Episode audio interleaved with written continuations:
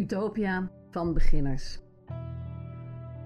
Onze huidige westerse economie streeft naar oneindige groei en winstmaximalisatie. Dat leidt tot uitsluiting van velen en tot uitputting van de aarde. Deze podcast gaat over mensen die werken aan een economie die niemand uitsluit en zorgt voor de aarde. De mensen in deze vertelling zijn fictief. Hun verhalen, dromen, voorbeelden en ervaringen zijn waar gebeurd.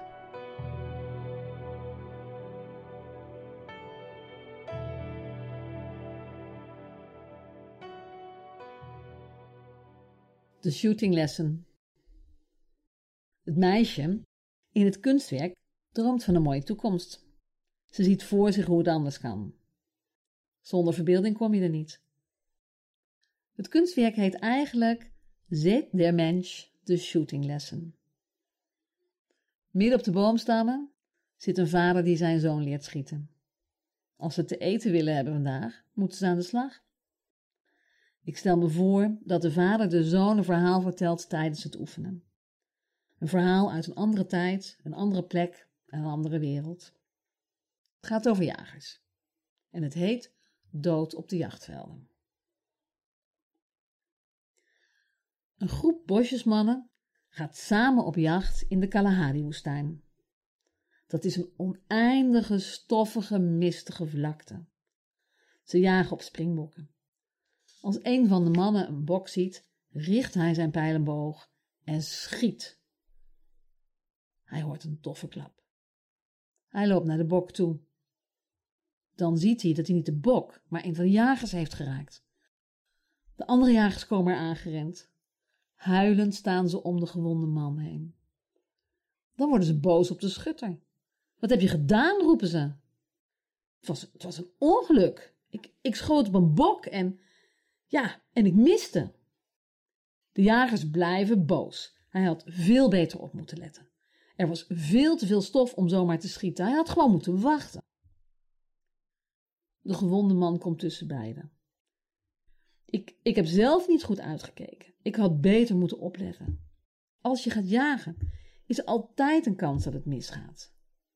Jullie moeten hem hier de schuld niet van geven. Hij kon er echt niks aan doen. Het was een ongeluk. Weet je, de pijl heeft zelf gekozen om mij te raken. Tja, zeggen de mannen, tja, dan is het misschien inderdaad je eigen schuld. Ze nemen de gewonde man mee naar huis. Eenmaal daar aangekomen ziet zijn vrouw hem en ze begint meteen te huilen. De andere vrouwen vragen: Waarom hebben jullie je vriend neergeschoten? Dat hebben we niet met opzet gedaan, zeggen de jagers. Het was een vals geschoten pijl. En hij stond op de verkeerde plek. Een van de oudere vrouwen bemoeit zich ermee. En ze zegt tegen de jammerende vrouwen: Waarom hebben jullie de kinderen niet uit de buurt van de jagers gehouden? Jullie kennen toch het spreekwoord.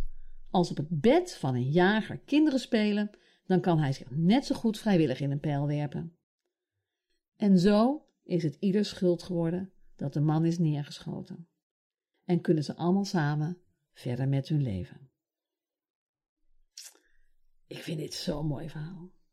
Het benadrukt dat het niet gaat om de daad van één individu, maar om de gevolgen ervan, de gevolgen voor de hele gemeenschap. Er is al één jager gewond en dood. Nog één minder zou honger betekenen.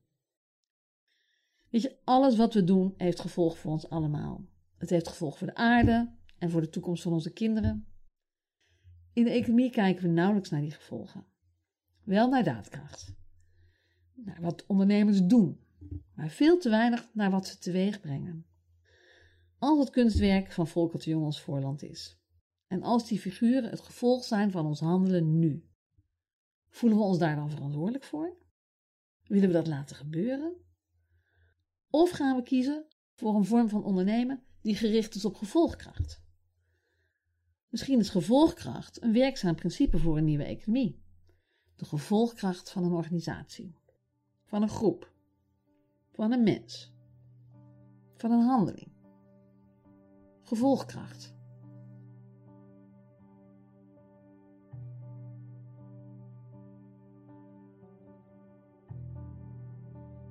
Met dank aan Studio Volker de Jong en Galerie Fons Welters in Amsterdam. Rabobank Kunstzaken, Veerli Klaassen. En Arne Hendricks, The Incredible Shrinking Man and Growth. Festival Sur Niger, Herenboeren Nederland, NVU, Company Drinks, Podium Blows en Avans Hogeschool.